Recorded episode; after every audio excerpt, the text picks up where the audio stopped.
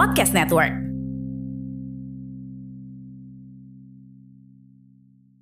Kalian tahu nggak sih aplikasi favorit para podcaster? Aplikasi yang jadi kunci sukses para podcaster untuk ngerekam podcast-podcast keren mereka cuma dari smartphone, namanya Anchor. Anchor ini kalau aku bisa bilang adalah all-in-one app yang simple banget. Gak heran kalau para podcaster bilang bahwa aplikasi inilah kunci kesuksesan dari podcast-podcast mereka.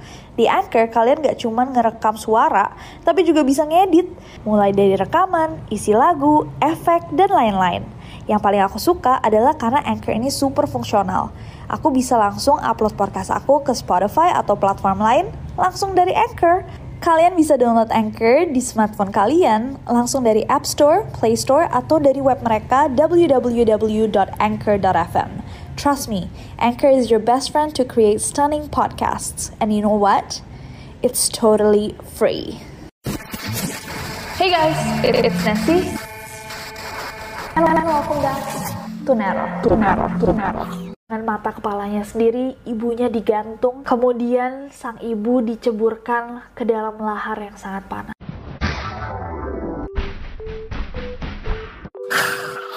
Hey guys, it's Nessie, and welcome back to Neror. Kembali lagi kita semua di Neror. Hari ini aku sama NCC punya topik yang sangat mengerikan. Tepatnya tentang mati suri. Menurut beberapa sumber, mati suri itu adalah sebuah fenomena ketika seseorang kembali hidup setelah dinyatakan meninggal dunia dalam rentang waktu tertentu. Dunia neuroscience dan kedokteran modern abad 20 menyebut fenomena mati suri sebagai NDE atau Near Death Experience. Nah, sekitar tiga tahun yang lalu di Neror kita pernah membahas bersama-sama mengenai kesaksian-kesaksian mati suri yang terseram. Nah, menurutku sampai hari ini itu adalah salah satu Neror yang paling bikin merinding karena kita bisa mendengar cerita pengalaman-pengalaman orang-orang yang pernah dinyatakan secara medis meninggal dunia. Sampai orang yang disiksa hingga kulit dan dagingnya berkelupas. Uh. Pengalaman semua orang berbeda dan kita pun tidak tahu mana yang asli atau tidak. But that uncertainty is what is most terrifying. Tapi ketidakpastian itulah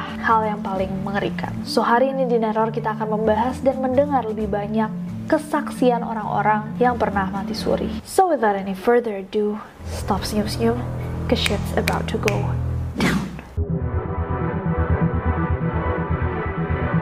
So kita akan mulai video ini dengan kesaksian dari Angelica Elizabeth Zambrano Mora. Kesaksian yang satu ini sempat sangat-sangat viral di internet. Kalau kalian ingat, pengalaman mati suri seorang gadis Ekuador bernama Angelica Elizabeth Zambrano Mora yang meninggal saat dia baru berusia 18 tahun. Mora ini bercerita bahwa ketika dia meninggal, dia itu dibawa untuk mengunjungi neraka dan surga. Nah, saat dia sedang ada di neraka, Mora bersaksi bahwa dia melihat banyak sekali selebritis dan tokoh-tokoh dunia. Beberapa di antaranya adalah Michael Jackson, Selena Quintanilla Perez, dan Paus Yohanes Paulus II. Selama di neraka, Mora bersaksi bahwa dia mendengar banyak sekali orang-orang yang menangis-nangis, berteriak-teriak minta tolong. Tapi Tuhan bilang bahwa mereka sudah terlambat. Mora juga bilang bahwa dia sempat berbincang-bincang sama Tuhan mengenai kenapa tokoh-tokoh terkenal itu bisa ada di neraka. Nah katanya, Michael Jackson ditempatkan di neraka karena semasa hidupnya dia menyembah menyembah dan membuat perjanjian dengan iblis demi ketenarannya dan kekayaannya semasa dia hidup. Kemudian Mora juga bilang bahwa selama di neraka, dia tuh dengar Selina Quintanilla Perez memohon kepada dia untuk memberitahu orang-orang yang masih hidup untuk tidak mendengarkan lagu-lagunya Selina karena setiap kali ada orang yang mendengar lagu-lagunya, siksaan yang dia terima akan berlipat ganda. Nah, selanjutnya Tuhan juga menjelaskan kenapa ada Paus Yohanes Paulus di situ. Mora bilang, "The Lord said to me, look daughter,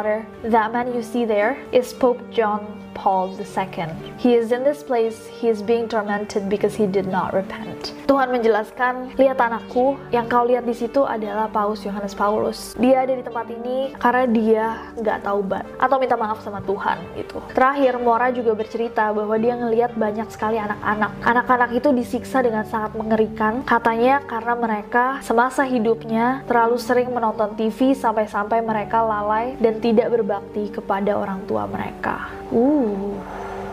Itu kesaksiannya Mora. Gimana menurut kalian? Next Next ada kesaksiannya Xenia Diduk. Kisah yang satu ini tidak semengerikan yang lain-lainnya, tapi tetap saja menarik. Xenia Diduk ini adalah seorang nenek berusia 83 tahun yang berasal dari Ukraina dan merupakan seorang pensiunan perawat. Nah, Xenia ini sempat mati suri untuk 10 jam. Jadi dia sempat sakit parah dan para para medis itu berkesimpulan bahwa dia udah diambang kematian.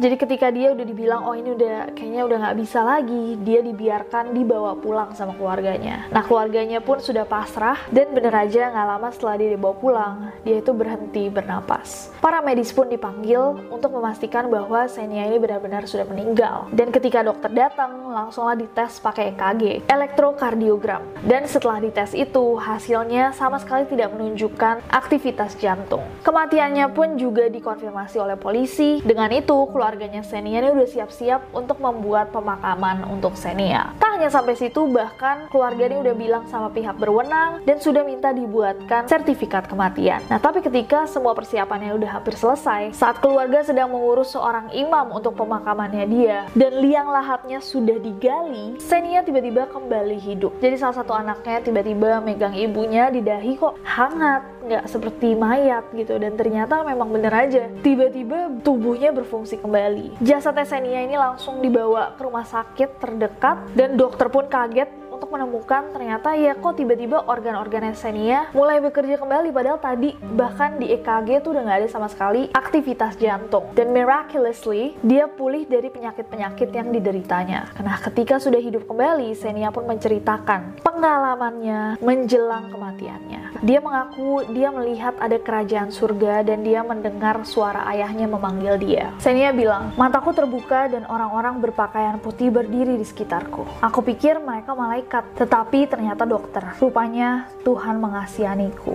Jadi instead of pengalaman, ini malah lebih kayak lack of pengalaman. Jadi selama dia 10 jam itu mati, dia benar-benar nggak ingat apa-apa. Yang terakhir dia inget, dia kayak kebuka matanya terus dia ngeliat orang-orang pakai baju putih dia pikir itu malaikat malah ternyata itu adalah dokter. Tatiana Katilova wakil petugas medis rumah sakit regional Vinitsia mengatakan saya sudah bekerja sebagai dokter selama 20 tahun tapi saya belum pernah melihat yang seperti ini. Imam Roman Patrick yang tadinya disewa bukan disewa sih diminta untuk jadi imam di pemakaman Yesenia berkata sebuah keajaiban kebangkitan telah terjadi. Tuhan memberi hidup kepada wanita tua ini dan ini adalah adalah kali pertama saya melihat hal seperti ini. Menarik, jadi antara Senia emang nggak mengingat apa-apa, tidak memiliki pengalaman selama dia meninggal, atau mungkin karena umurnya dia nggak ingat. Gimana menurut kalian? Next. Next ada cerita pengalamannya Agus. Agus Sounds familiar? Yes, pengalaman yang satu ini datang dari Indonesia. Seorang laki-laki bernama Agus ketika masih SMP kelas 2 itu pernah mengalami sakit buruk banget, sakit parah, hingga kondisinya tuh sudah benar-benar terpuruk. Beberapa hari sebelum lebaran, Agus ini dilarikan ke rumah sakit. Nah saat dia dirawat inap, Agus itu merasakan kayak tubuhnya tiba-tiba kedinginan banget sampai dia menggigil. Dia pun mencoba menghangatkan dirinya dia sambil memejamkan mata. So dia memejamkan matanya. Namun ketika dia membuka matanya lagi, dia melihat orang-orang dengan wajah yang sangat-sangat mengerikan berdiri di sekitarnya. Dan orang-orang bermuka serem yang ada di sekelilingnya ini semua menahan tubuhnya tubuhnya. Agus pun meronta-ronta karena dia saking ketakutannya ngelihat orang-orang dengan muka serem ini. Agus bilang bahwa orang-orang bermuka serem itu terus memegangi dia bareng-bareng sambil tertawa-tawa. Tak lama setelah itu, saat dia dipegang-pegangin itu, dia merasakan bahwa tubuhnya tuh seakan terjatuh di dalam ruangan yang terbuat dari tanah yang ujungnya tuh ada cahaya yang sangat-sangat terang. Agus berusaha berlari ke cahaya itu. Tapi semakin dia berlari, jalanan yang dia lewati itu semakin lama semakin nanjak. Di tengah-tengah ketakutan ketakutannya, Agus tuh ngeliat ke belakang dan ternyata banyak banget ular-ular kobra yang sedang mengejar dia. Agus lari dan lari dan lari dan lari sampai akhirnya dia sudah tidak bisa melihat ular-ular itu. Dan dia sampai di sebuah ruangan yang berisikan sekitar 10 orang yang sedang diikat dan terlihat habis disiksa. Dan Agus tiba-tiba sadar bahwa dia pun sedang diikat. Tak lama kemudian, seseorang dengan badan yang sangat besar datang dan membawa alat-alat penyiksa seperti besi dan pisau. Orang Orang itu pun berjalan ke dekat Agus dan mulai menyiksa dia dengan cara ditusuk dicambuk, dan dikuliti. Agus pun berteriak ketakutan. Dan ajaibnya, ikatan yang tadinya ada di badannya dia tiba-tiba lepas. Dan Agus langsung berlari keluar ruangan itu. Dia menyusuri sebuah sungai panjang, dan sungai panjang ini di ujungnya tuh kayak ada cahaya. Dan sesampainya Agus di cahaya itu, pandangannya tuh mulai kabur, dan kemudian Agus tersadar di dalam ruangan yang dipenuhi oleh keluarganya. Sayup-sayup Agus mendengar keluarganya bilang bahwa mereka sudah merelakan kepergiannya karena Agus sudah tidak bernapas selama 10 jam. Uh. Gimana menurut kalian pengalamannya Agus? Ngerikan bukan? Apakah pengalamannya benar-benar terjadi? Eh hey guys, aku mau sedikit sharing sih seputar aplikasi keren yang aku gunain buat bikin podcast ini. Aplikasi ini tuh bisa di-download di App Store atau di Play Store, and it's totally free. Gak cuma buat ngerekam aja, Anchor juga bisa buat ngedit langsung rekaman kalian. Kita bisa langsung nambahin back sound, effects, tambah lagu, bahkan Anchor juga bisa mendistribusikan podcast kita ke berbagai platform lainnya. Kayak aku nih, biasanya aku langsung upload podcast aku ke Spotify langsung dari Anchor. Jadi di mana pun aku berada, aku bisa buat podcast aku kapan pun dan di mana pun aku mau. Karena dia super gampang, aku jadi suka banget nih sama Anchor ini. Daripada kalian kepo, mendingan kalian langsung coba aja buat podcast sendiri pakai Anchor. It's super simple and free. Next. Next ada pengalamannya Rajiv Party. Rajiv Party ini adalah seorang dokter anestesi asal California yang mengaku pernah berkelana di alam lain dan melihat langsung surga dan neraka. Jadi menarik banget, Rajiv itu sebelum dia mati suri, dia mengaku bahwa dia dulunya adalah dokter yang sangat licik dan arogan. Dia bersaksi bahwa dulu dia tuh kalau ketemu pasien yang dia pikirkan tuh bukan bagaimana cara saya bisa menyembuhkan orang ini, melainkan apa yang bisa saya dapatkan dari pasien ini. Sampai suatu hari dia dinyatakan mengidap kanker prostat dan hal ini membuat dia sangat-sangat menderita. Rajiv mencoba berobat ke dokter-dokter yang terbaik, tapi keadaannya nggak kunjung membaik. Kemudian pada 23 Desember tahun 2010 lalu, dua hari sebelum Natal, Rajiv dilarikan ke rumah sakit karena mengalami demam yang sangat parah, di mana suhu tubuhnya tuh melebihi 40 derajat Celcius. Dokter yang menanganinya bilang bahwa Rajiv ini sedang sekarat dan harus dioperasi darurat untuk mengeringkan daerah panggulnya dan mengambil sphincter akibat infeksi yang telah menyebar ke darahnya. Anehnya, selama proses operasi ini, Rajiv tuh bilang bahwa dia tuh melayang-layang, bahkan dia bisa melihat sendiri apa yang sedang dilakukan para dokter kepada tubuhnya dia. Dia ngelihat tubuhnya dia di ranjang operasi, sedang dibedah gitu, dia semua ngelihat. Dia bahkan bisa mencium bau ruangan dan mendengar semua percakapan dan lelucon yang dilontarkan oleh para dokter. Nah, karena Rajiv ini juga seorang dokter dan dia juga seorang ahli anestesi, dia berpikir mungkin dokter-dokter ini memberikan obat bius kepada diri dirinya yang membuat dirinya merasa keluar dari tubuhnya. Tapi setelah dia bangun dan pulih, akhirnya dia mengecek dan ternyata para dokter tidak memberikan dia obat yang dia pikir dia dapatkan. Nah dokter yang menanganinya itu juga pikir kayak oh mungkin kita kasih anestesi itu terlalu dikit jadi dia masih setengah sadar makanya dia bisa mendengar segala macam bahkan bisa mencium aroma-aroma yang ada di ruangan itu. Tapi Rajiv tuh tidak merasakan sakit sama sekali. Kalau misalkan dia dikasih obat bius yang terlalu dikit pastinya dia bakal kesakitan karena ini bukan operasi kecil juga. Nah Rajiv sendiri akhirnya percaya bahwa dia pada saat itu mengalami mati suri. Saat keluar dari tubuhnya Rajiv bersaksi bahwa dia tuh berkelana di dalam dunia yang tampak tampak seperti neraka, di mana dia melihat kegelapan, api di mana-mana, dan dia juga mendengarkan banyak sekali suara-suara orang yang menangis dan meratap.